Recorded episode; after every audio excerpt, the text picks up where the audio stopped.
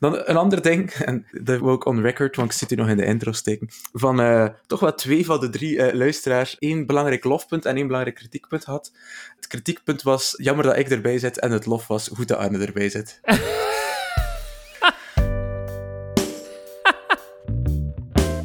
Is dat echt? Dat is echt... Uh... Je hebt goede vrienden, jij. Dat is wel sympathiek. Mijn broer had één puntje van kritiek. Hij zegt, het is gij. Hij stelt zelfs letterlijk voor, kunt u niet gewoon Arne interviewen? Dat is toch een interessante mens. Het is wel uh, sympathieke vrienden en familie daarbij. Misschien is dat waarom ik nog geen luisteraars heb aangehaald. Uh. Ja. Voilà, we hebben een intro voor deze opname. Dat is in elk geval al goed. Ja. Dat dacht ik ook. Dat, ik dacht dat het al on record ging zijn. Oh, ja, kijk, zo'n vleierij, daar ben ik met al mijn ego-problemen niet tegen bestand. In de gave lief. Eila. Hoe klinkt dat woord is in de gave lief? Uh, welkom, beste luisteraars, bij een, een, nieuwe aflevering van De Gouden Leeuw. Welkom in De Gouden Leeuw, om het zo te zeggen. Met mezelf en natuurlijk uh, Felix Hoornaert. Welkom, Felix. Dank u wel, Arne. Vandaag, uh, ja, voordat we erin vliegen, even naar feedback van een van onze luisteraars. Het opzet De Gouden Leeuw in De Gouden Leeuw is een gesprek tussen mezelf en Felix. Twee werkkameraden van een paar jaar terug, die nu op een of andere manier 10.000 kilometer van elkaar beland zijn. En krampachtig proberen vast te houden aan de sfeer op onze veeltallige kroegavonden. En dus een, een goed gesprek, zij het niet aan dezelfde toog houden, één keer om de maand of zo verder, over een uh, onderwerp dat ons boeit of waar we in het verleden al veel met elkaar over gesproken hebben. Ik denk zelfs dat vandaag uh, meer dan eens uh, een onderwerp zal zijn waar we het al vaak over gehad hebben. Het is echt een home game die we vandaag spelen. Ja, inderdaad. Dus het gesprek vandaag gaat over een onderwerp dat heel wat media-aandacht gekregen heeft de voorbije tijd met de klimaatactiviteiten in België. met name over kernenergie. En de vraag over, meer specifiek, moeten we terug beginnen praten over kernenergie als een serieuze optie in de toekomst van een klimaatvriendelijk België. En Felix, jij hebt de aanzet gegeven voor dat gesprek tussen ons met een filmpje van Arjen Lubach. Dus ik ga u het, de, de vraag iets scherper laten stellen, even kaderen voordat we erin vliegen. Oké, ja, um, ik, ik denk uiteraard dat het een heel interessant topic is. Uh, en, en uiteraard uh, hedendaags. Het is zoiets dat, dat altijd op en af gaat, in hoever dat we daarover praten. Maar het is uh, zeker recent weer opgedoken als, als, een, als een nieuwe open vraag van is kernenergie niet de, de uitverkoren bron om ons hier te helpen? Is dat niet de bron die geen broeikasgassen uitstoot en wel veel energie um, ja, levert? Uh, moeten we niet terug uh, kernenergie uit de taboesfeer halen en moeten we terug praten over kernenergie. Dus vandaar de titel van deze podcast, moeten we praten over kernenergie. En ik denk dat het een interessante uh, vraag is, niet enkel omdat ik ze zelf al vaak gekregen heb, uiteraard, mijn job als klimaatcoach leent zich tot zo'n conversaties. Um, niet enkel daarmee, ook omdat ik het zelf uh, al heel vaak uh, in geswitcht ben in mijn mening daarover. Uh, op, af, overtuigd, heel hard aan de ene kant, genuanceerd aan de andere kant. recent, of ik zou zeggen over het afgelopen half jaar, heb ik toch wel een mening die, die standvastig is gebleven, waar ik voorlopig redelijk content van ben. een soort finaal standpunt, maar hoe, hoe dat finaal zo'n standpunten ook zijn. En een caveat, het kan altijd zijn dat je daar nog op terugkeert. Zien of we daar iets aan kunnen doen. Zien of we daar iets kunnen, aan kunnen doen. Maar alleszins, uh, praten over kernenergie, uh, het, is, het is boeiend, want ik denk dat er heel veel slecht debat al gevoerd is over kernenergie. En daar kunnen we uh, het vandaag zeker over hebben, over welke onderwerpen, welke argumenten van belang zijn, welke argumenten eigenlijk een beetje de drogredenen zijn en uh, de, de conversatie vervuilen. Ik heb eigenlijk het gevoel dat er, los van uh, vervuiling die rond an, anders rond kernenergie hangt, dat er ook veel vervuiling in het debat van kernenergie hangt. Veel zaken van mensen die eigenlijk argumenten tegen elkaar zitten te roepen, gaar maar de commentaarsecties op nieuwsartikels of, of de discussies van Maarten Boudry op Twitter op na, daar wordt daar heel veel over ge, ge, heen en weer geroepen. En uh, als je mij toestaat, we, ik heb min of meer een structuur van hoe we het vandaag gaan indelen. Dus laten we, laat ik daar een keer overlopen. Mm -hmm. ik denk het eerste argument, en dat is soms zelfs een argument dat denk ik niet, niet vaak genoeg beklemtoond wordt, Waarom het goed is dat we terug tussen haakjes, over kernenergie praten. Dus nu, het afgelopen jaar, uh, dat debat terug aangezwengeld, onder andere door uh, toedoen van uh, de NVA, zou ik zeggen. waarom is dat goed dat we eigenlijk plotseling weer over kernenergie praten als, als, als oplossing voor dit probleem? Maar ik denk dat punt 2 is waarom het ook goed is dat we meteen weer over kernenergie kunnen zwijgen, toch zeker in België. Uh, dat is denk ik het, een, een, een bijhorend antwoord. En als we nog tijd hebben, want dat is dan weer een ander doosje dat we zouden opentrekken, is er nog een puntje drie van uh, kernenergie in de wereld. Dus ik denk dat we het doosje kernenergie in België wel degelijk kunnen toedoen en toelaten. Daar hoop ik dat we in punt 2 goed aan uh, uh, op uit gaan komen. Maar het puntje kernenergie in de wereld uh, is voor mij een, ergens een open vraagteken. Misschien dat jij daar als Myanmar-expert een andere mening op na gaat houden. Dus misschien dat we dat nog kunnen bespreken, afhankelijk van hoeveel tijd dat we spenderen aan de rest van onze podcast. Maar dat wordt het wel. Ja, ik denk als, als eerste reactie dat inderdaad... Ik, normaal hebben we daar nog wel wat tijd voor, want dat doosje kernenergie in België zal, zoals gezegd, vrij snel open en dicht kunnen gaan. Uh, dus, maar de rol van kernenergie in klimaatverandering, bestrijding in het algemeen is, is een interessanter en genuanceerder debat dan uh, in België. Ja. Oké, okay. uh, kijk eens af dan, zou ik zeggen. Hè? waarom is het goed dat we terug praten over kernenergie? Um, wel, eerst en vooral waarom het goed is om, waar we over kernenergie praten. Ik vind kernenergie is in essentie een goede energiebron als het klimaatprobleem wilt bestrijden. Als het gewoon puur daarop kijkt, het levert massas energie, het levert gigawatts aan energie. Dat is, uh, elke kerncentrale levert zo ongeveer een tiende van de energieproductie of de energieconsumptie in België. Dat is uh, onvoorstelbaar en vergelijkbaar met een windmolen. Je kunt, hebt snel 300 windmolens of, uh, of 250 windmolens nodig om een kerncentrale te kunnen, te kunnen matchen. En bovendien, kerncentrales liggen constant aan, leveren voortdurend elektriciteit en stoten daarbij eigenlijk geen CO2 uit. En als gewoon naar die kijkt, is kernenergie een interessante bron om dit probleem mee op te lossen.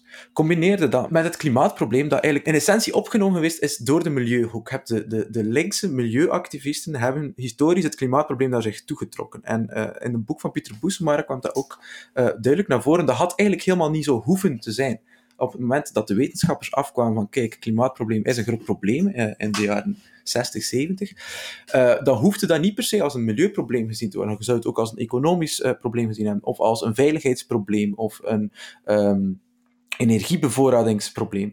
Uh, allerlei zaken die niet per se uit de milieukant, uit de verontreiniging, laat ons de bomen sparen en voor de natuur gaan, kant komen. Maar dat is wel zo gebeurd en de, die linkse, zal ik hier wel makkelijk gebruiken, dus die linkse milieuhoek heeft het klimaatprobleem gepakt en heel lang gehouden. En nu nog steeds wordt het klimaatprobleem als een links probleem gezien.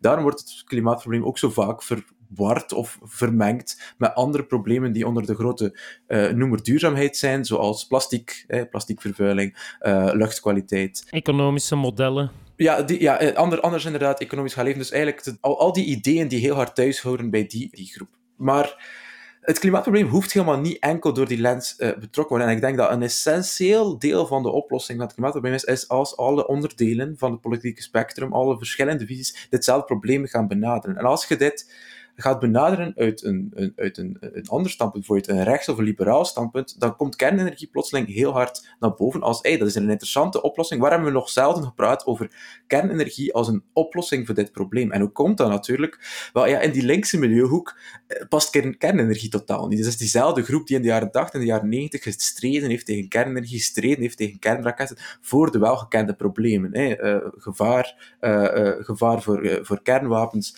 en verontreiniging van dat kernafval.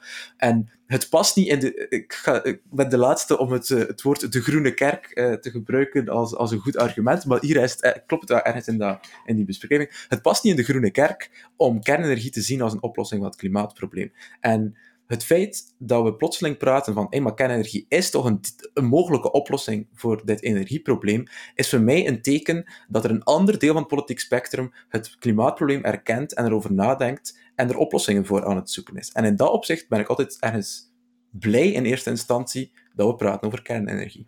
Het is, een hele, het is een hele shift van een uh, Bart de Wever die klimaatspijpelaars afdoet als uh, doemdenkers en uh, die dan een paar weken later interzake een, een, discussie aangaat over klimaatverandering met Almachi. Dat is stap in de goede richting. Ja, voilà, inderdaad. En dat zit daarbij.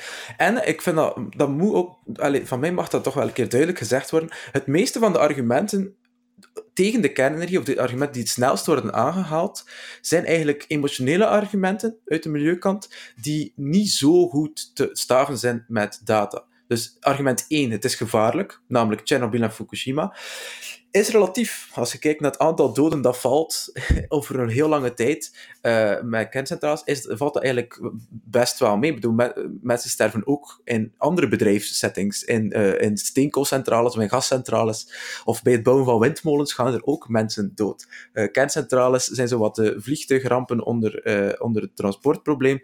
Elke keer dat een vliegtuig neerstort, hoor je ervan maar dat wil niet zeggen dat vliegtuigen onveilig zijn. En als je dat berekent, het aantal doden per uh, geleverde uh, energieeenheid, wat dan natuurlijk een, uh, een maatstaf is, je kunt zelf kiezen of je, die, of je die wilt respecteren, maar als je dat bekijkt, is kernenergie een van de beste. Want er, zijn, er gaan eigenlijk helemaal niet zoveel mensen dood, we zijn er alleen ergens wel heel bang voor. En kernafval is een probleem, het is zeker niet onderschatten. Je, gezadeld toekomstige generaties voor tot zelfs 100.000 jaar op met een probleem. Um, van lokale origine, van deze plaats moet nooit meer betreden of gaat er ziek van worden. En je kunt dat bijna niet communiceren in de toekomst. Het is een heel uh, zware, uh, ja, zware belasting voor een toekomstige generatie. Die twee argumenten kloppen alle twee, maar dat ene is, uh, is is niet zo groot als, het, als, de, als denk ik vaak de milieuhoek het zou willen hebben. Die kernenergie is niet zo ongevaarlijk of zo. Uh, ja, om, de, ontploffingsgevaar is niet zo groot als het, als het lijkt. En twee, dat uh, kernafvalprobleem is een probleem, maar als het vergelijkt met de toekomstige generaties die er serieus in de shit gaan zitten met de klimaatopwarming, verbleekt het dan ook weer. Klimaatopwarming is globaal, je kunt er niet van weglopen. Het is voor de generaties die onmiddellijk na u komen. terwijl dat kernafval lokaal uh, beperkt in omvang en uh, voor, voor die heel veel verder van u zijn. zijn. Dus als je het, uh, als je pest en cholera moet kiezen, ja, dan is hier plotseling kernafval de, de lesser of two evils. En dat zijn eigenlijk, ja, dat zijn ik, ik, ik heb het gevoel dat, dat het altijd over die argumenten gaat en dat eigenlijk dat niet de juiste argumenten zijn om uh, de discussie over te voeren. Ja, en ik zou, daar, ik zou daar zelfs aan toevoegen. Dus ja, allereerst om daar kort op te reageren. Ik denk uh, het, afvalprobleem, zeker als we de schaal ook beschouwen, in, in die uh, zondag met Lubach tonen ze dat heel goed. ik denk dat Nederland, het heeft maar één kerncentrale, maar het gaat over minder dan een kubieke meter hoog radio, radioactief afval. Dus dat afval dat er zo lang zal zijn. Um, lijkt het controleerbaarder dan de CO2 die we dus de lucht in pompen. Het is, langere schaal inderdaad. Het is trouwens een interessant filmpje van Vox uh, op YouTube uh, op te zoeken over uh, de soort bijna filosofische denkexperimenten die gedaan zijn over hoe we dan in hemelsnaam moeten communiceren naar de beschaving over 100.000 jaar dat er ergens kernafval ligt. Dus, mm -hmm. Ja, super filmpje, ken het. Ja. Absoluut boeiend om te kijken, maar dat leidt ons misschien even te ver. Um, maar dus ik denk dat afval, ja, het is, het is erg, maar dat, is zo'n beetje ja, kernafval vergelijken met klimaatverandering. Het zijn problemen van heel verschillende aard, heel moeilijk. Daar zou ik ook nog geneigd zijn. Het is niet het voornaamste argument.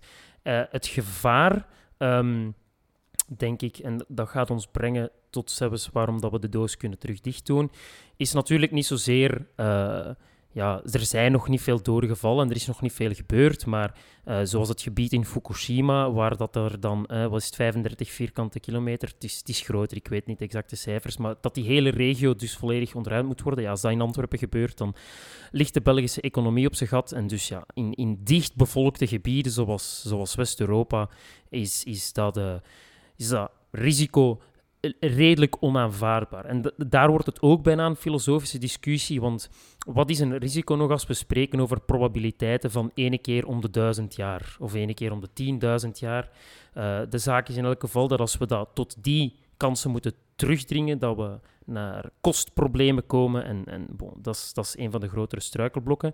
Een ander basisargument trouwens rond die kernenergie dat ik ook snel even van tafel wil vegen. En dat, gaat het dan, is dan vooral als het gaat over het openhouden van de uh, Belgische kerncentrales. Hè.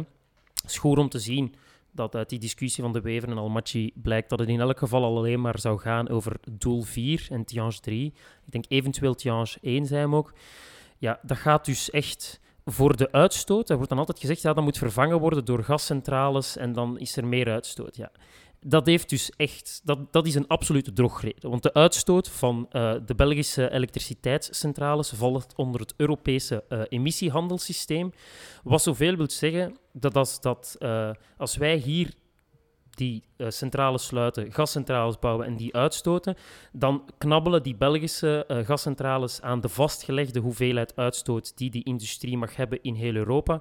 En wil dat gewoon zeggen dat er elders in Europa minder zal mogen uitgestoten worden. Dus dat heeft geen enkel effect op de Europese uitstoot. Nog op onze emissiedoelstellingen als Belgisch land, want die van de elektriciteitssector dat staat niet in het nationaal rapport, dat is een Europees rapport. Dus dat is ook een belangrijk argument om uit de weg te hebben voor de klimaatverandering zelf, voor de CO2-uitstoot, is het openhouden van centrales irrelevant. Want dat zal maar over een jaar of tien gaan.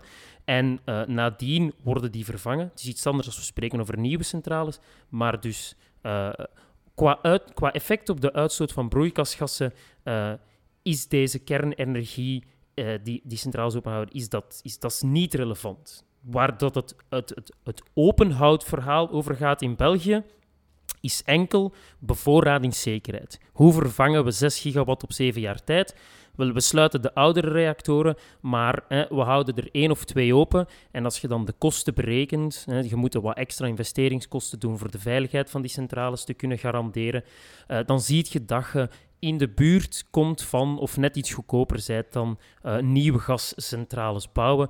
Dus daar het kleine extra beetje afval dat daarbij zou gegenereerd worden, uh, is, is, is irrelevant, lijkt me, opnieuw in de discussie. Gaat het gewoon over, ja, misschien met die twee open te houden, kunnen we als keuze hebben dat we verkiezen er twee open te houden aan een kost die vergelijkbaar is met die twee gascentrales. Maar voilà, dat, dat is... Ja, dat wou ik ook even gezegd hebben, want daar gaat het vaak over en, en dat is dus ja, dat is niet relevant gewoon. Dat is geen argument in deze discussie. Je, zit, al, zit, al, uh, zit al snel in het, uh, in het tweede kamp. Je zit al snel de tegenargumenten voor, uh, voor de kern aan het, aan het, aan het, aan het opsommen. Um... Ja, nee, niet zozeer. Ik wou het niet doen als een, als een tegenargument voor kernenergie. Ik wou maar gewoon zeggen, het is goed dat we erover praten. Welke argumenten komen naar voren die misschien uh, wat op losse schroeven staan? En ik denk dat we naast uh, afval- en ontploffingsgevaar, wat, wat de typische tegenargumenten zijn in een groene hoek, het, het voorargument aan de andere kant van het spectrum van het is beter voor het klimaat, misschien die nieuwe, maar die, die Belgische centrales openhouden, uh, in, in dat geval zijn die klimaatargumenten staan die op even losse schroeven als het, als het afvalargument. Dus uh, ja. die, die ja, okay. kunnen we best van de tafel houden dat we gestructureerder en beter kunnen praten over kernenergie. Ja, oké. En kom, kom straks nog terug op alle uh, argumenten die je gezet hebben, want uh, ze passen voor mij in, in stukje 2, uh, stukje 2 waarom we best weer over kunnen zwijgen. maar dus om één nog even af te ronden, het, het filmpje dat we misschien in de show notes gaan zetten, waar ik het van gestart was, ik had het doorgekregen van een student van mij, van Arjen Lubach, die in 20 minuten argumenteert, kernenergie is dat niet iets dat we terug moeten overwegen als oplossing. En ik, ik zou gewoon sociaal geneigd zijn om te zeggen, en wel ja, doe dan maar. Hè? Dus, dus, dus laten we al die drogredenen of die, die dingen waar de kernenergie zo vaak over gaat, namelijk het afval en het ontploffingsgevaar, laten we die nu even um, niet, niet centraal houden in de discussie, want er wordt enkel maar gooien met cijfers uh, al de ene kant en cijfers aan de andere kant en geen enkele partij luistert naar elkaar. Dus laten we het niet hebben over die cijfers, uh, over die dingen, en laten we, zoals hij daar dan uh, vraagt op het einde, kunnen we kernenergie uit de taboesfeer halen? En dan zou ik zeggen, ja, haal kernenergie dan maar uit de taboesfeer. Ik ben persoonlijk geen pro voor de kernenergie, maar uh, ik wil het uh, iedereen die het wel is, wel geven dat het bediscussieerd mag worden. Ik ga zeker hier niet dogmatisch over zijn. Eens te meer omdat ik niet wil dat, uh, de, dat je de milieukant van dit probleem wilt verwijten dat ze dogmatisch zijn. Dat ze, dat ze bepaalde oplossingen niet willen accepteren omdat het niet in hun kraam past. Dus als dat uw tegenargument zou zijn, dan is laat maar komen, laten we praten over kernenergie. Laten we beschouwen als het een volledige oplossing voor dit probleem is. Ja. En Akkoord. De reden waarom dat ik dat perfect ook aanvaard, waarom dat je dat ook eh, perfect kunt doen, omdat in België dat ik ook heel hard overtuigd ben dat het um, dat het niet te winnen is. Dus zelfs als je de kernenergie terug op tafel legt, dat we, en nu zitten we in deel 2, heel snel kernenergie terug van de tafel gaan, gaan halen als mogelijke oplossing. En dan specifiek het investeren in nieuwe kerncentrales. Eigenlijk is dat misschien zelfs al een open deur dat we hierin uh, uh, intrappen, want waar het nog, die ballonnetjes nog even opgehaald werden, denk ik een maand geleden, heb ik de afgelopen weken enkel maar alle politieke partijen zien bevestigen dat ze niet geïnteresseerd zijn in het installeren of in het uh, opbouwen van nieuwe kerncentrales hier in België, dat dat helemaal geen, uh, geen programmapunt van hen was. het gaat dus enkel inderdaad over het langer openhouden van. Maar toch even... Mag ik hier even... Ja, doe maar. Een, ja, een, een, een klein onderscheid dat belangrijk is om te maken hier, is dat uh, kernenergie is, is niet één technologie. Hè? Dus er is een, een, een reeks aan technologieën. En uh, De Wever en Almaty hebben in hun gesprek allebei bevestigd dat als het gaat over uraniumreactoren, uh, dus, dus, dus ja, kerncentrales die op de stof uranium werken, fissies, splijtingsreactoren, dat ze daar alle twee zeggen van oké, dat is geen optie. Dat, dat wordt inderdaad, zoals je zelf zegt, in het politieke spectrum nu niet echt meer bekeken. Daarnaast zijn er nog een aantal andere technologieën. Uh, fusie natuurlijk, dat, dat, uh, ja, waar Europa inderdaad, zoals de weer zei, 6 miljard ingestoken heeft nog altijd en waar nog steeds onderzoek naar gebeurt. Maar fusie zal geen deel zijn van de transitie, want commercieel zal ver voorbij 2050 zijn. Dus uh, in onze transitie is het geen belang. Het kan een soort wondertechnologie worden over 50 jaar of zo, maar uh, moeten we nu nog niet te veel van verwachten. Ja, ik, uh, ik zei altijd, als ze wachten op fusie om het energieprobleem op te lossen, dat is hetzelfde als wachten op teleportatie om het transportprobleem ja, op te lossen. Het is, het is, geen, het is geen slechte vergelijking. En, maar de, de, de kanttekening die misschien wel nog relevant is, is, er stond ook een opiniestuk over op de redactie, een bijdrage, is uh, thoriumreactoren. Thoriumreactoren die uh, op een heel aantal argumenten die we tegen de klassieke reactoren zouden hebben, uh, wel redelijk goed scoren. Um, zullen we wel toe komen. En daar is bijvoorbeeld, denk ik, wel belangrijk en waarom het dus wel goed is om het gesprek terug te openen op een niet-dogmatische manier over die technologieën, uh, maar dat we wel dat onderscheid maken, want dat zou eventueel um, ken het niet genoeg om te zeggen ja of nee, maar dat zou eventueel nog een deel kunnen uitmaken van uh, de energietransitie. Uh, maar laat ons nu dan even over de, de, het, de, centrales praten, het type centrales zoals die in België staan en waarom nieuwe exemplaren daarvan uh, in België geen goed idee zijn. Ja, inderdaad waarom dan die, geen idee zijn? Wel, het is eigenlijk een opsomming van een aantal argumenten. Je begint eigenlijk met het heel eenvoudige argument van kostprijs. Dus waar dat 15 jaar geleden uh, de, de, de, de zonnepanelen nog behoorden tot dure energie, maar hernieuwbaar, zijn die zo gedaald, en eigenlijk hetzelfde voor de windmolens, in uh, prijs per, uh, per kilowattuur, dat het dat, het, dat het eigenlijk niet meer te argumenteren valt, dat die gewoon goedkoper zijn dan de, uh, dan de, dan de kernenergie per geleverde energieeenheid. Uh, en bovendien, die gaan in prijs naar beneden, dus elk jaar worden die goedkoper. En het is toch wel duidelijk dat doorheen, ja, met onze verhoogde standaarden voor veiligheid en voor, uh, ja, voor alle andere zaken, is de prijs van kernreactoren net omhoog gegaan. Net zoals de installatietijd van kernreactoren, alle nieuwe kernreactoren die gebouwd worden op het Europese vasteland, die lopen allemaal vertraging op. Die, die hebben een bouwtijd van 15 jaar of meer. Um, en die, ja, die, die, zijn dus eigenlijk op, op dat vlak al twee keer niet, niet echt interessant. Je hebt er nog een ander aspect, en daar heb hij daarnet aan gehaald. Dat is het, de, dat, dat onderdeel van, van, van, van risicodekking dus los van het bang maken rond het gevaar, al dan niet. Het risico, ook al is het maar klein dat je neemt met je kerncentrale, is enorm groot. Er is een klein onderdeel op een heel grote ramp. En dat brengt een bepaalde kost met zich mee. En het is van die orde dat, dat, het, dat je er u niet op kunt uh, voorbereiden, dat je er niet op kunt verzekeren. Je kunt letterlijk ook geen verzekering afsluiten voor het risico dat je een deel van Antwerpen op onactief zet op een bepaald moment. En dat is eigenlijk dan een kost die niet becijferbaar is, maar die wel sociaal gedragen wordt. Want het risico, hoe klein ook, al is het maar een, een fractie van een, van, een, van, een, van een procent, het, risico wordt gedragen door de maatschappij. En dat is wel iets dat je uh, argumenten tegen kunt hebben, want we, we, we dragen met z'n allen een verantwoordelijkheid of een, of, een risico. Um, ja, door, dit, door dergelijke projecten nog te steunen. En als laatste argument, en dat ga ik trouwens aan u laten, uh, heb je het argument dat, uh, dat, dat kerncentrales door hun nature, door hun baseload te zijn, dus door het feit dat ze altijd 24 uur op 24 draaien op hoge vermogens, dat die eigenlijk um, hernieuwbare energie uit de markt concurreren. En ik denk dat jij de juiste persoon bent om dat toe te lichten, want dat was toch nu wel echt uw, uh, uw doctoraatsonderwerp. Goh, ja, dat is moeilijk om hier helemaal te vatten. Op zich dan hangt er ook maar van af voor een stuk in welke mate dat je wilt dat de markt dan regeert, uh, hoeveel uh, of hoe profitabel, uh, sorry, hoe winstgevend hernieuwbare energie is en of dat het daarvan moet afhangen, het aandeel. Um, het is in elk geval zo dat in een vrijgemaakte markt het huidige kernenergiepark um, ja, is zo goedkoop dat dat, dat ont, dat het ontmoedigt om investeringen te doen in nieuwe technologieën, uh, of dat dan nu gascentrales zijn of zelfs sommige bepaalde uh, hernieuwbare energietechnologieën, wanneer die niet de nodige uh, subsidies krijgen om dan te kunnen concurreren met die kerncentrales. En dus dat heeft opnieuw denk ik weer meer te maken met welke centrales gaan we openhouden eerder dan dat we nieuwe gaan bouwen. Want als we er nieuwe zouden bouwen, behalve als we zoals in Groot-Brittannië uh, enorme overheidssteun zouden beloven om dat te doen, kunnen die niet op eigen uh, voorwaarden concurreren in een vrijgemaakte elektriciteitsmarkt met hernieuwbare technologie. Dus dat is niet zozeer een probleem. En zelfs dan nog in Groot-Brittannië uh, is het zo'n debakkele. Mensen die geïnteresseerd zijn, kunnen dan een keer opzoeken. Maar van de verschillende kernenergieprojecten die er waren, nieuwe die waren aangekondigd, blijft er nog maar één over.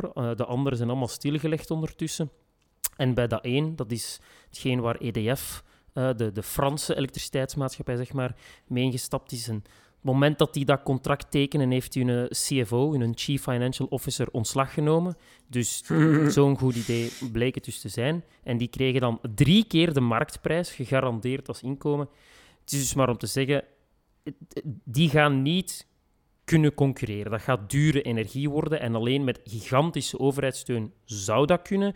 En op dat moment kun je de vraag stellen, uh, kunnen we die overheidssteun dan niet beter naar uh, hernieuwbare energie richten of, uh, of misschien zelfs ook naar um, opslagtechnologieën, uh, power to gas, uh, allerlei andere technologieën die hernieuwbare energieintegratie kunnen bevorderen en zo verder. Dus dan gaat het over besteding van publieke middelen en dan lijkt het mij aangeraden om dat eerder rechtstreeks naar groene energie te doen dan naar kernenergie. Als het gaat over het concurrerend effect op dit moment, ja, dan is gewoon de, het, het, zwaard van Damocles dat boven de Belgische energiemarkt al twintig jaar hangt bijna, van gaat quasi de helft van de capaciteit er wel of niet zijn op een gegeven datum, ja, het is weinig verrassend dat dat investeringen afremt. Maar kijken we dan weer naar de uh, beslissing die echt op tafel ligt nu, die dan vooral zal gaan over blijft, uh, doel 4, blijven doel 4 en Tihange 3 open. Ja, als al die anderen nog sluiten, dan is er nog een capaciteitsgat van 4 gigawatt of zo, uh, of meer, sorry. Uh, dat moet dichtgereden worden. En dan zal de vraag naar capaciteit wel genoeg en, en voldoende gezond zijn om hernieuwbare energie en bepaalde gascentrales hun, hun, hun kans te geven om hun, om hun rol te laten spelen, gecombineerd met opslag en vraagsturing en weet ik veel wat. Dus ik denk dat dat is eerder een vraag die gaat over oude centrales dan nieuwe centrales. Um, als het gaat over. Oké, laat me dan even inpikken, want ik had, ik had wel een ander idee, maar misschien ben ik dan te karikatuur in uh, mijn uitleg daarvan. Maar als ik dat uitleg aan mensen, dan zeg ik dus, ja, kerncentrales die, die, die, die produceren en die stoppen nooit. Die produceren 24 op 24 en die produceren een hoog vermogen. Dat hebben we daarnet al gezegd. Dus die produceren samen ongeveer de helft van de Belgische elektriciteit, bijvoorbeeld. En uh, die kunnen niet, niet, niet, uh, niet uitgeschakeld worden. Dat was daarom de reden ook dat uh, vroeger mensen aangespoord werden om s'nachts elektriciteit te verbruiken. Dus van die, van die energiesystemen met stenen, zodat je s'nachts kon opwarmen, zodat je huis warm was zijn, omdat er, omdat er overproductie van energie was uh, s'nachts. Namelijk, energie moet altijd op elk moment uh, verbruikt worden dat het geproduceerd wordt. En uh, als dat niet zo is, zitten we eigenlijk, zit eigenlijk met een probleem. Dus we hebben wel feit dat eigenlijk de helft van onze markt al bezet is, omdat de kernenergie er zit en die kan niet bewegen. Die, die pakt alles al in. Ja, als Petit Histoire zou mooi zijn als ze effectief voor de helft bezet zou zijn. Want dat zou betekenen dat alle kerncentrales goed functioneerden op dit moment en elektriciteit leverden. Maar oké, catch your point. Het is in elk geval waar geweest. En dat is trouwens een, een creatieve manier om meteen uit te leggen aan mensen het idee van energieopslag. Dat is uiteindelijk wat stenen opwarmen is op basis van elektriciteit die je anders niet kwijt kunt. Ja, dat is ook energieopslag, maar in een andere energiedrager, met name warmte dus. Creatieve opslagmethodes, eh vooraleer dat batterijen en andere zaken het toelieten. Oké, Ja. sorry, ga verder. Ja, André, dus je zit, je zit altijd op, op zoek naar manieren om eh, input en output te, eh, te matchen met elkaar. Ga dan naar een, een systeem waarin dat je veel zon en wind hebt, dan, dan krijg je onvoorspelbare bronnen van zon en wind. Dus die produceert soms heel veel, soms iets minder. En je hebt daar iets minder controle over. Maar neem dan een dag waar het goed gaat, waar het goed waait en er veel zon is, dan is er eh, heel veel productie van eh, wind en zon. Zoveel dat, er, eh, dat die gemakkelijk de volledige Belgische lading zou kunnen dekken. Even karikaturaal, ik weet dat dat niet exact zo is. Maar ehm, eh, stel dan, dan zou je kunnen zeggen, ja, wind en zon zijn de goedkoopste, die mensen hebben geïnvesteerd in die windmolens en die zonnepanelen, die verdienen dan ook voorrang en die mogen eh, nu elektriciteit leveren. En dan moeten we de kerncentrale, die op dit moment duurder is, even afzetten en plaatsmaken voor wind en zon. Maar daar krijg je dat probleem, want die kerncentrales kan helemaal niet af. Het is, niet eh, doenbaar om die heel hard op en neer te laten gaan in productie op korte tijd. Dus door de natuur van het beestje krijgt hij dan voorrang, want die kan niet uitgeschakeld worden. En wat moet er dus in plaats gebeuren? Dan moeten die eh, windmolens en die zonnepanelen afgeschakeld worden.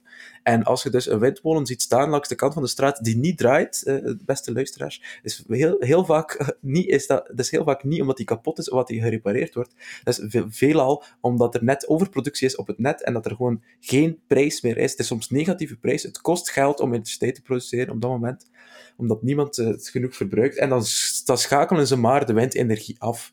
En op dat moment heb je duidelijk uw, uw, uw voorrang aan kernenergie gegeven, terwijl je eigenlijk ruimte had voor eh, hernieuwbare.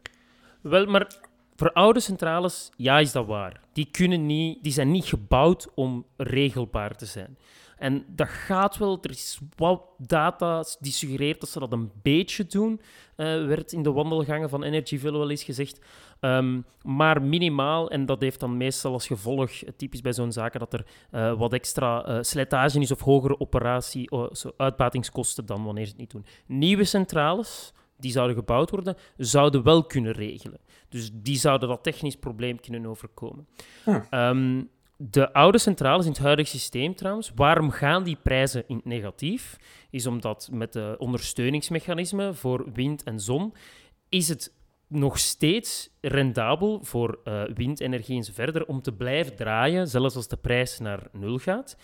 Maar omdat die kerncentrales niet kunnen afgesloten worden, ja, gaan die betalen aan een netbeheerder en daarmee door, sorry, naar de netbeheerder, eh, via de markt doorbetalen aan de hernieuwbare energieproducenten om hun windmolens uit te zetten.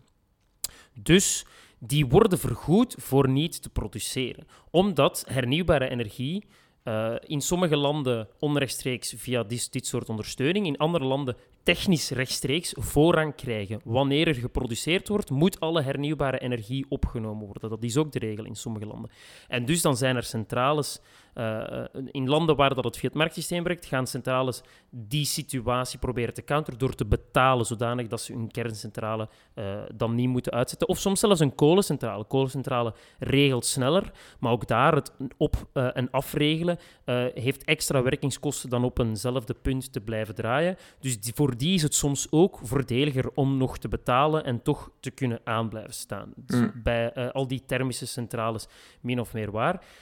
Dus dat is niet zozeer een probleem. Het vermindert wel wat de hernieuwbare energieopname in sommige gevallen. Maar ik zou zelfs zeggen, in het langere termijnkader hoeft dat ook geen probleem te zijn. Want stel dat je een systeem hebt dat volledig bestaat uit kernenergie en hernieuwbare energie.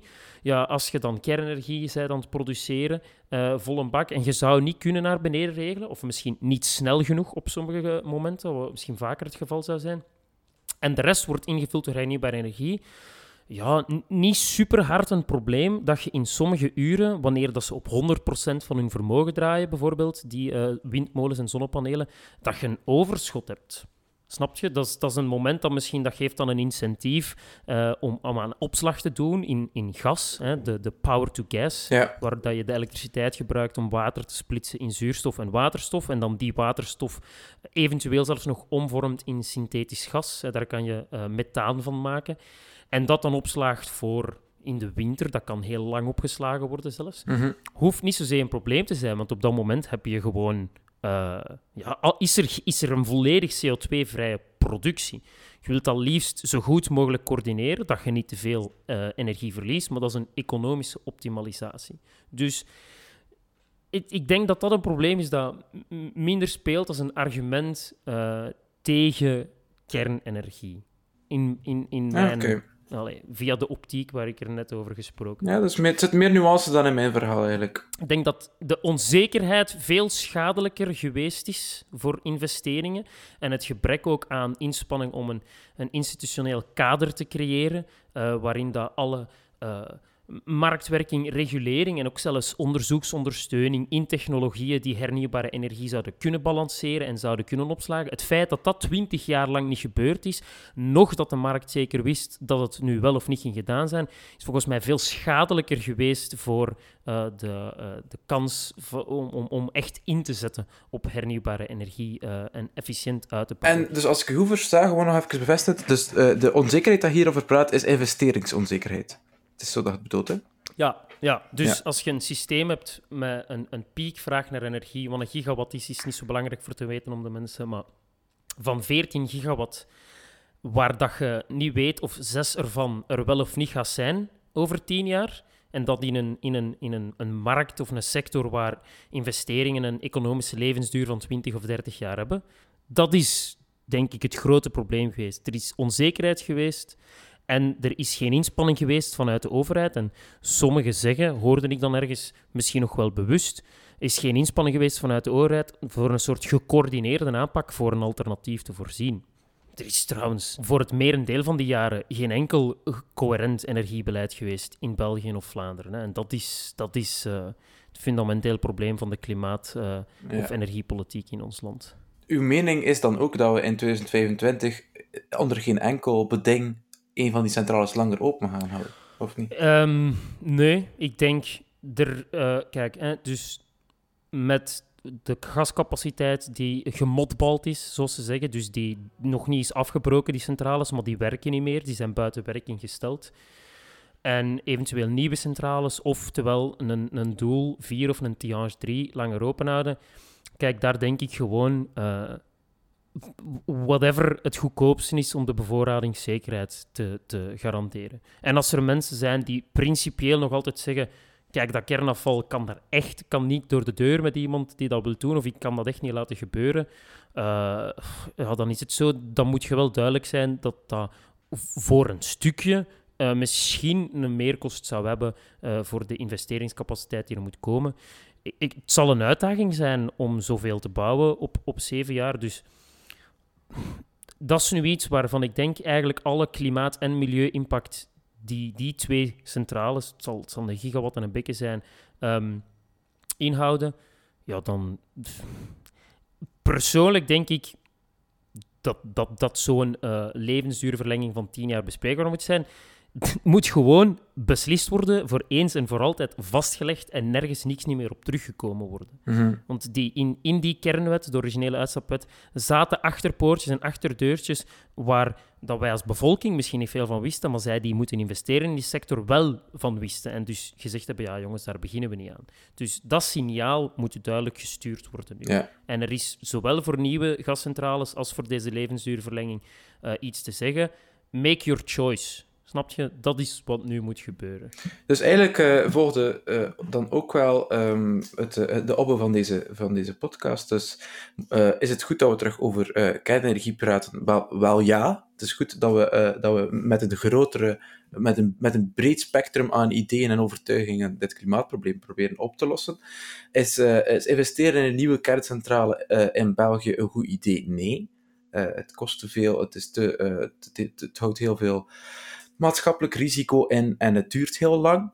Um, er zijn natuurlijk die thoriumcentrales die dan zowat uh, mogelijk een betere oplossing daarin zijn. Ik ben geen pro-thorium-campaigner uiteraard, maar op basis van wat dat die drie KU Leuven-proffen schreven op de redactie, hebben we hier iets dat uh, dus, ja, klimaatneutraal is, zoals uh, de rest van kernenergietechnologieën maar die, die inherent veilig zijn, zoals ik denk de, de generatie 4 uraniumreactoren ook wel geheten worden. Wat dus wil zeggen dat op het moment dat er iets fout gaat, sluiten die centrales zichzelf af. Dus er is geen kans op smelting, er is geen kans op explosie.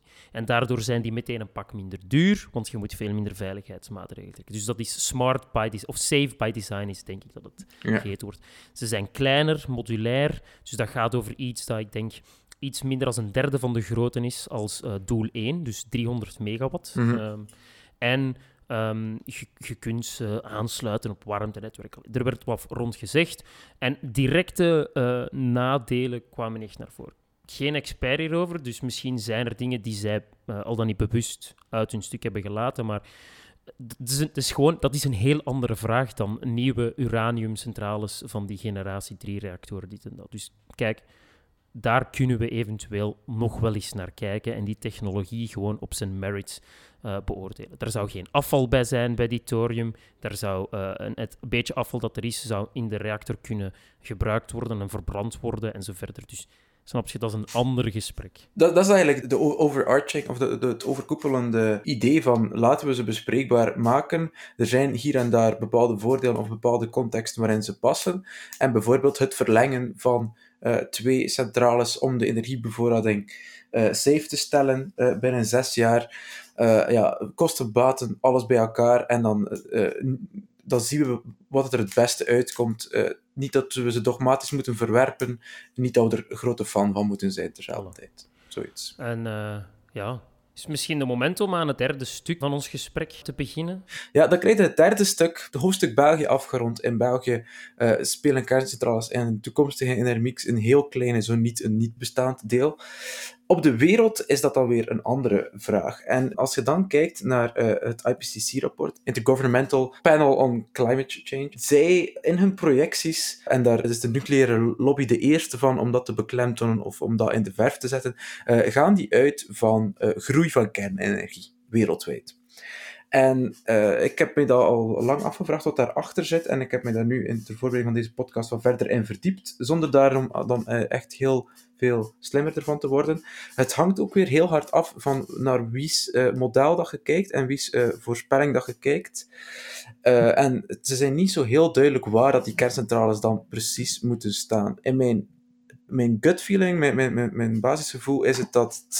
uh, dat het voornamelijk gaat over kerncentrales in de ontwikkelende markten, zoals bijvoorbeeld in India en in China, om daar een groei te zien van kernenergie, omdat er nog zoveel nieuwe elektriciteit moet voorzien worden voor die groeiende populaties die allemaal groeiende ener energievraag hebben.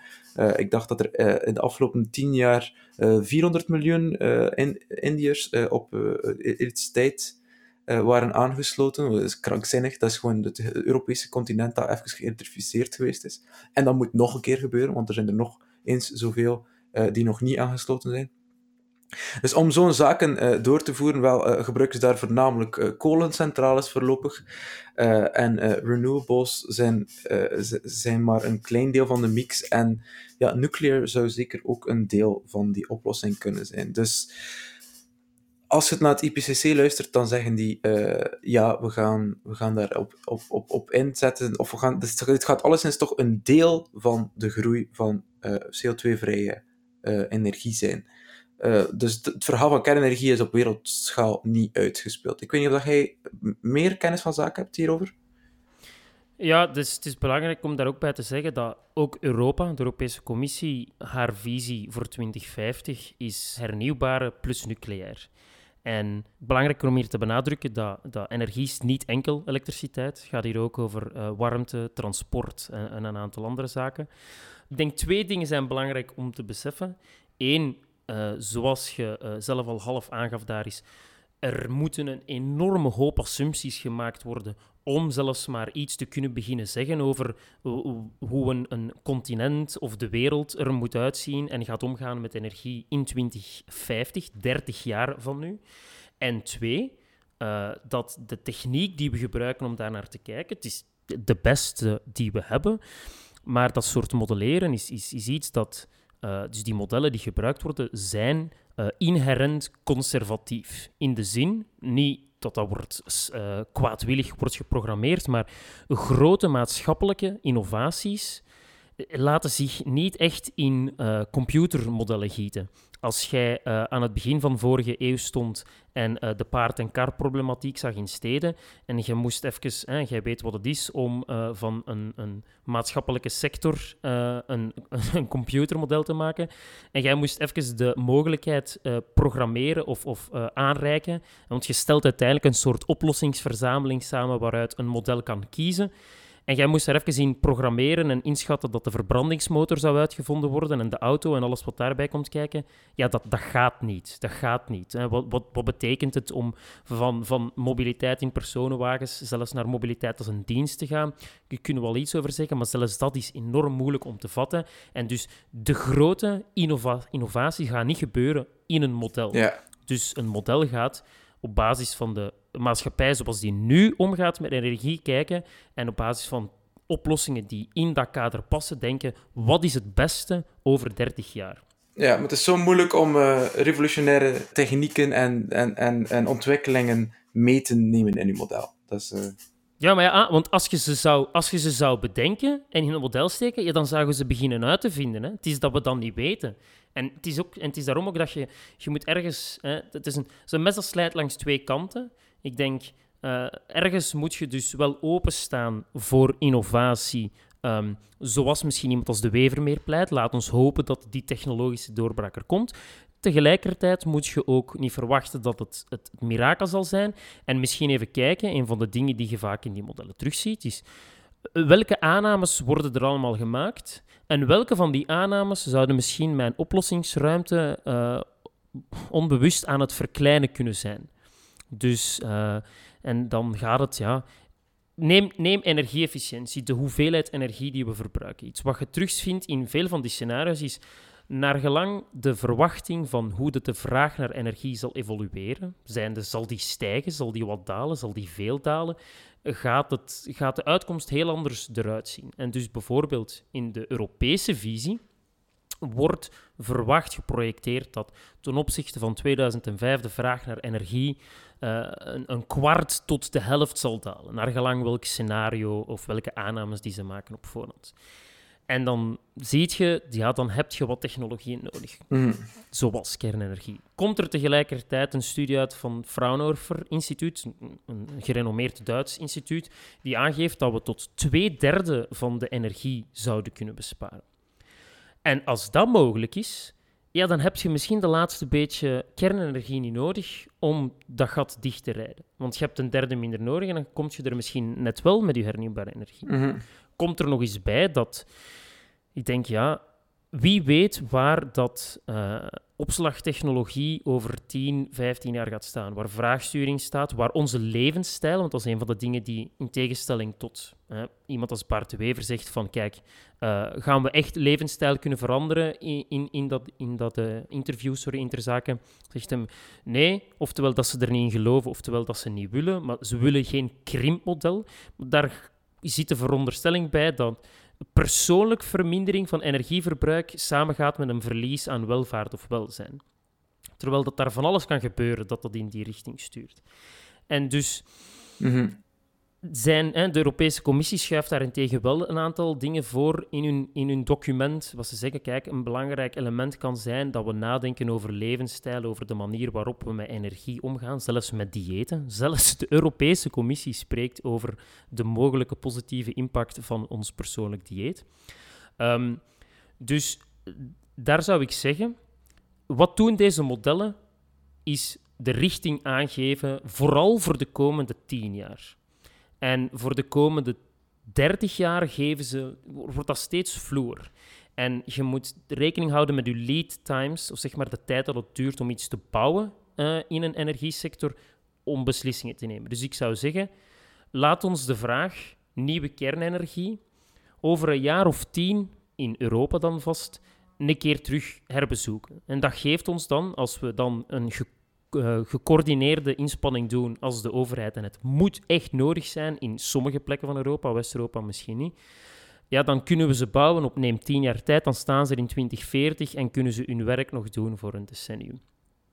Maar over een jaar of tien gaat je weer een stuk beter weten wat is er op tien jaar mogelijk van opslag.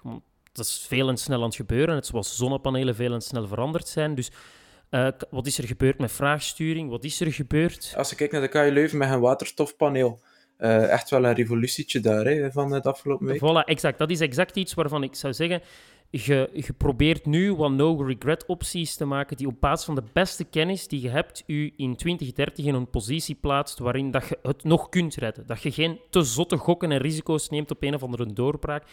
Maar je moet daarom niet nu al alles beslist hebben tot 2050. Zet een kader in plaats waar dat je echt strikt reguleert hoeveel uitstoot iets mag hebben. Iets wat het Europese emissiehandelssysteem met vallen en opstaan redelijk goed doet voor alles wat grote industrie is. Uh, laat ons hetzelfde doen voor transport en gebouwen en zien dat wij hier onze gebouwen snel beginnen, uh, sneller beginnen renoveren en onze fiscale voordelen voor uh, bedrijfswagens afschaffen, een eventuele CO2-tax gebruiken, die we dan gebruiken om rechtstreeks loonskorting te geven aan mensen die daar dan mee wel het kunnen betalen om hun woningen te isoleren en dat. Doe die dingen waarvan je nu weet dat je er geen spijt van gaat hebben en die in een goede positie stellen in 2030 en sta dan open voor nieuwe richtingen uit te gaan. Mhm. Dat zou ik denken voor Europa. Wereldwijd, om, om, om dat dan de rol van kernenergie wereldwijd nog even iets breder te trekken, zou het kunnen zijn dat jij op meer afgelegen plaatsen ergens in China, de Chinezen zullen er nog wel bouwen, neem ik aan, dat, kijk, als je er daar een paar zet, en je ziet dat als daar... Eh, eh, de, de, de kansen zijn soms astronomisch klein, maar de impact is te groot dat je de risico's niet wilt nemen in een dichtbevolkt gebied misschien. Zelfs als daar 1 op 100.000 kans is dat dat ontploft en de omliggende 40, 50 kilometer straal aan gebied is onbewoonbaar, zet ze dan op een plaats in landen die groot genoeg zijn waar dat, dat ehm, een minimale impact heeft en exporteert dan naar uw grote bevolkingsgebieden. Kijk, zo'n rol kan het eventueel nog wel hebben in de wereld. Er zijn plaatsen waar dat die calculus mogelijk positief kan uitkomen. Wie weet wat gebeurt er ook op tien jaar tijd met, met, die, met die generatie 4 reactoren of zo, die ook inherent veilig zijn, zoals die thoriumreactor. Houd, houd de deur daar open. Wees daar inderdaad niet dogmatisch in, maar in West-Europa lijkt het mij dat er andere technologieën zullen zijn waarvan ik het waarschijnlijker acht dat zij het complement zullen zijn die de hernieuwbare energie zullen aanvullen om zo onze volledige vraag aan energie te voldoen. Inbegrepen dus de sterke inzet. Twee derde van de energievraag verminderen, dat is gigantisch. Hè? Mhm. Als je daarover nadenkt in 2050. Dus dan lijkt het mij geweldig. Zet daarop in. Zelfs als dat geld kost, als nieuwe kerncentrales ook geld gaan kosten, zet dan op iets in waarvan je weet, hè, de groenste kilowattuur is die je, dat je niet verbruikt. En als je dat kunt doen op een manier die geen welvaart verliest, en laat ons hier nog snel even met de uh, oren uh, Kate Raubert haar donut-model erbij betrekken. Als je dat kunt doen op een manier die je sociaal beter maakt en milieugewijs um, uh, in de perken blijft, ja, geweldig, hè?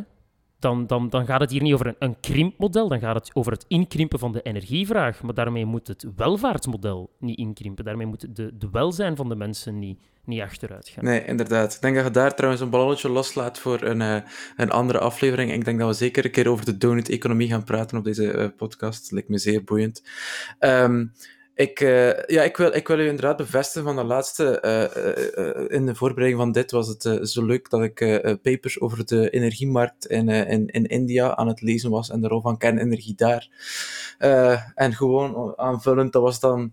Dat, dat, dat, vroegen ze zich af of ze wel water genoeg gingen hebben in de toekomst met de, het veranderende klimaat om het water in die kerncentrales te, te voorzien, omdat dat veel, veel water gebruikt. Om maar te zeggen wat er daar allemaal speelt op lokaal en, en, en, en supralokaal niveau.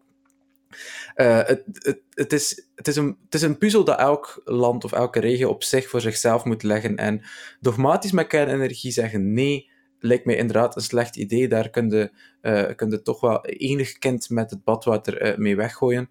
Maar van alle kinderen die in uw badwater liggen, is kernenergie nu niet hetgene dat ik, dat ik het meest koester en het meest energie en geld naartoe zou geven. En dus inderdaad, ik volg u in Europa zeker in onze regio, zeker in ons land. Kernenergie, dat deurtje mag nog uh, op een kier staan. We kunnen er misschien gebruik van maken. Laten we er nog een keer over nadenken in 2030. Maar als we nu ergens aan moeten investeren, er zijn zoveel andere mooie posten om dat te doen. Dus laten we daar beginnen. Oké. Ik neem aan dat dat uw, uh, dat dat uw uh, concluderende gedachten waren. Ja, dat waren mijn closing words, van ik uh, kijk naar mijn klok en ik moet eigenlijk vertrekken. Oké, okay. ja, ik heb die van mij ook al gegeven, denk ik, daar op het einde. Hebben wij een cliffhanger voor de mensen voor de volgende aflevering? Oei, oei. Dat, dat gaan we... Um... Rutger Bregman zijn interventie bij Tucker Carlson. Ja. Misschien is dat een goeie om ons eens op te smijten. Kunnen we wat spreken over ongelijkheid en belastingen? Dat is ook altijd een tof onderwerp om eens een uur aan te wijden. Ik weet alles, is al de titel van de volgende podcast. Dat wordt um, het linkspopulisme van Rutger Bregman. Als dat geen clickbait is, dan weet je het ook niet meer. Clickbait. Dan, uh, ja, wat, zeer, zeer knap, echt. Ja, goed, dan uh, ja. We, we, gaan de mensen, we gaan, we gaan de mensen uh, vaarwel wensen. Ja, ik denk dat er mij niks anders uh, rest dan u te bedanken en de mensen voor te luisteren. En inderdaad, dag en bedankt. Hè. Dag en bedankt. Yo, merci. Dag.